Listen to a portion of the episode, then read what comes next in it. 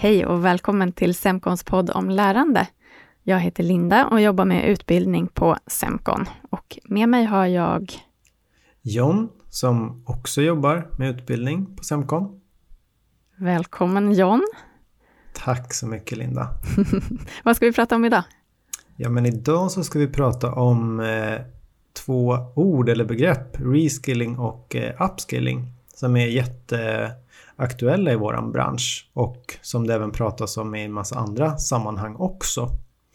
Ehm, och eh, ja, det man brukar göra när man pratar om begrepp och sådär, det är ju att förklara vad de betyder eller definiera dem. Så om jag frågar dig Linda här, reskilling och upskilling, kan du, kan du berätta vad det är för något? Ja, det var ju en eh, bra fråga eh, som är lite svår att besvara, men man kan väl lite eh, förenklat säga att upskilling handlar om att, att eh, utbilda kanske befintliga medarbetare för sånt de redan gör, fast kanske på ett nytt sätt. Så att man, eh, man fortbildar, kan man säga. Medan reskilling handlar lite mer om att utbilda för någonting nytt, som kanske ligger ganska nära det man redan gör, men som eh, behöver göras på ett helt nytt sätt, eller eh, man kanske till och med behöver byta arbetsuppgifter för att de man har kanske inte finns längre av olika anledningar. Sen, sen kan man ju fundera över själva ordet skill, vad, vad betyder det egentligen? För det är inte helt solklart på svenska heller.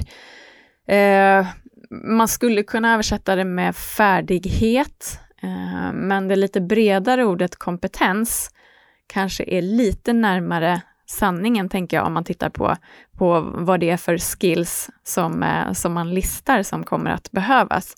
Det tar vi lite senare, men, eh, men det var en liten kort förklaring av, av begreppen. Så ja, men Ja. va- varför pratar alla om det här just nu då? Ja, eh, men då är det så att man, man ser en väldigt snabb förändring på, eh, på arbetsmarknaden. Att, att anställda på företag och eh, organisationer kommer att behöver liksom nya då skills eller färdigheter, kompetenser för att liksom kunna möta de behov som man, som man ser i, i framtiden då. Eh, man pratar liksom om en fjärde industriell revolution som kortfattat handlar liksom om att vi ser en enormt stor teknisk utveckling just nu. Med AI och eh, eh, utveckling inom liksom robotteknik och sådana saker. Vi har väl alla säkert hört om det här med automatisering, att alla vi kommer förlora våra jobb för att robotarna tar över. Och det blir Skynet. Eh, men sen en annan sak också är ju att eh, Corona har snabbat på det här väldigt mycket. Att det här hemarbetet och sådär eh, ställer liksom andra, andra krav eh, på oss. Så det är helt enkelt en, någon slags ganska stor samhällsförändring som man ser framför sig på, på arbetsmarknaden. Och liksom, ja, men man säger att ja, men, eh, 2025 så kommer liksom 40% av eh, de som finns på arbetsmarknaden ha behövt någon slags upskilling eller eller reskilling. Det är därför man pratar om det här just nu. Ja, precis. Och det är ju till och med så att eh, över 40 procent uppskattar man kommer behöva eh, utbildning eller fortbildning som, som löper minst över sex månader. Så det är ganska omfattande eh, utbildningsbehov vi ser, tänker jag. Ja, men eh, visst är det så. Så det är därför man, man, man ser det här som en väldigt stor, en, en omvälvning nästan kan man säga, beroende på liksom vilka, vilka rapporter man läser. Men man kan ju också fråga sig då, det här med reskilling och upskilling används av väldigt många. Man kan läsa det på många olika ställen och eh, eh, då funderar man på om det här är ett sånt här buzzword som ju det finns mycket av i, i våran bransch. Så är det här någon slags dagslända bara som kommer dra vidare eller hur, hur är det egentligen? Vad, vad tänker du om det Linda? Ja, det är svårt att säga såklart, eh, men jag tror inte att det är någon dagslända. Eh, det är ju trots allt så att det är många ganska stora organisationer som, som eh, verkligen har ögonen på det här och släpper rapporter, inte minst World Economic Forum, eh, vi har LinkedIn Workplace Learning Report och det är PWC och, och massor av stora aktörer som identifierar det här som en stor, stor utmaning som vi behöver möta. Så att, nej, jag tror inte att det är en dagslända alls, utan det här kommer vi att behöva ta tag i. Eh, Det berör ju inte bara utbildning, utan eh, det berör ju som sagt eh, ja, det är på samhällsnivå och på företagsnivå och eh, på alla möjliga nivåer egentligen som vi behöver möta den här utmaningen.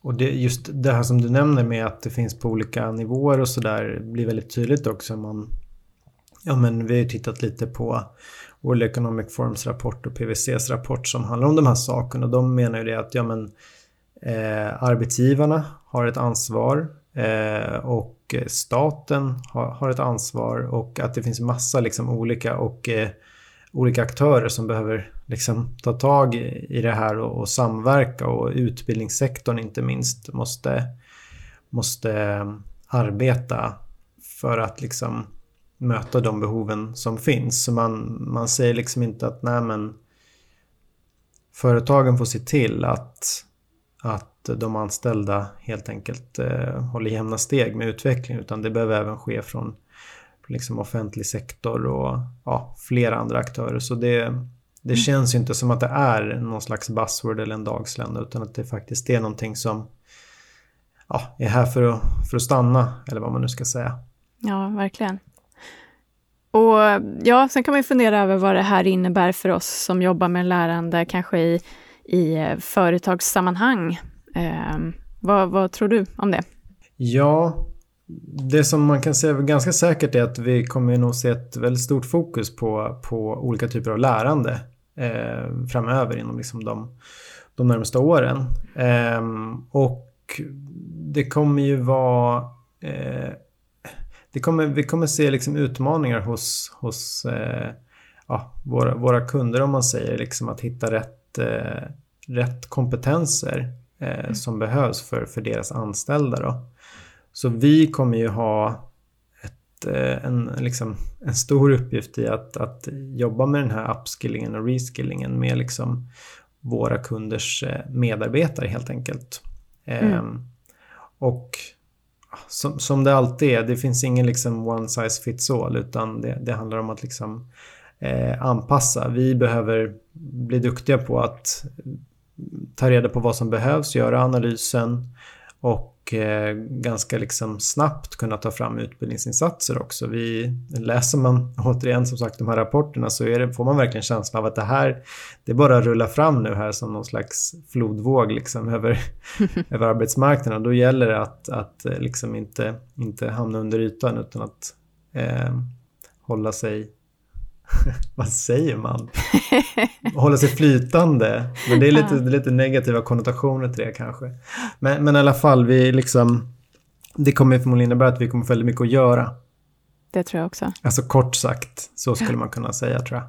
Ja, verkligen. Sen, sen är man ju lite nyfiken på, så här, men, men vad är det för skills som alla kommer att behöva eh, skaffa sig som man inte redan har? Eh, och där verkar det inte jätte tydligt, om man tittar på alla de här rapporterna som finns, så, så finns det ju en massa olika listor över vilka skills det är vi kommer behöva. Och då har i alla fall jag slagits av hur, hur lite på de listorna som handlar om teknik och kodning och sånt, utan det handlar ganska mycket om, om liksom här, mjuka skills, till exempel ledarskap och kreativitet och problemlösning och analytiskt tänkande. Och flexibilitet. Och flexibilitet. Ja, det lyfts ju verkligen fram och det, det, det kan man ju... Ja, man kan, man kan ju förstå att det blir en viktig liksom skill då. Men som du säger, det är ju lite mer mjuka färdigheter. Ja, och jag funderade också på vad, vad är det som gör att det är just de här färdigheterna eller kompetenserna som, som hamnar högst på, på de här olika listorna, eh, på de här undersökningarna. Där det just är chefer framförallt som har rapporterat vad de tror kommer att behövas mest. Och varför är det inte tekniska färdigheter eh, som hamnar högt upp? De finns ju där också, men de ligger längre ner. Och då inser jag att, att jo men de här tekniska förändringarna och de snabba förändringarna i omvärlden, det är ju de som i sig ger att vi behöver vara kreativa och att vi behöver eh, vara duktiga på att ställa om snabbt. Eh, och att eh, ja, alla de här mjuka, mjuka kompetenserna, eh, de, de kommer liksom av de snabba förändringarna och de tekniska eh, lösningarna som vi kommer att ställas inför. Och automatisering, när, när eh, maskiner gör våra jobb, då är det liksom det mänskliga som kommer att, att vara det som vi är bra på och som vi faktiskt kan tillföra. Ledarskap och så vidare. Så, eh, så egentligen så är det kanske ganska naturligt, men jag blev lite förvånad. Det börjar bli dags att summera. Idag har vi eh, försökt att definiera och översätta begreppen reskilling och upskilling och kanske ordet skills i sig. Lättare sagt än gjort.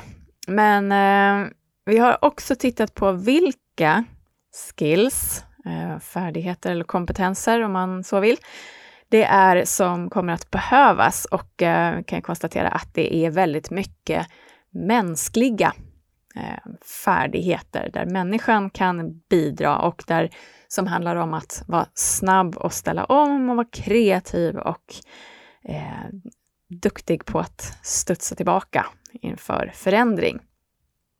Och det kanske är helt naturligt när världen förändras så snabbt som den gör. Och sen även så lyfts det fram liksom att eh, aktiv inlärning och olika inlärningsstrategier är, är också jätteviktigt.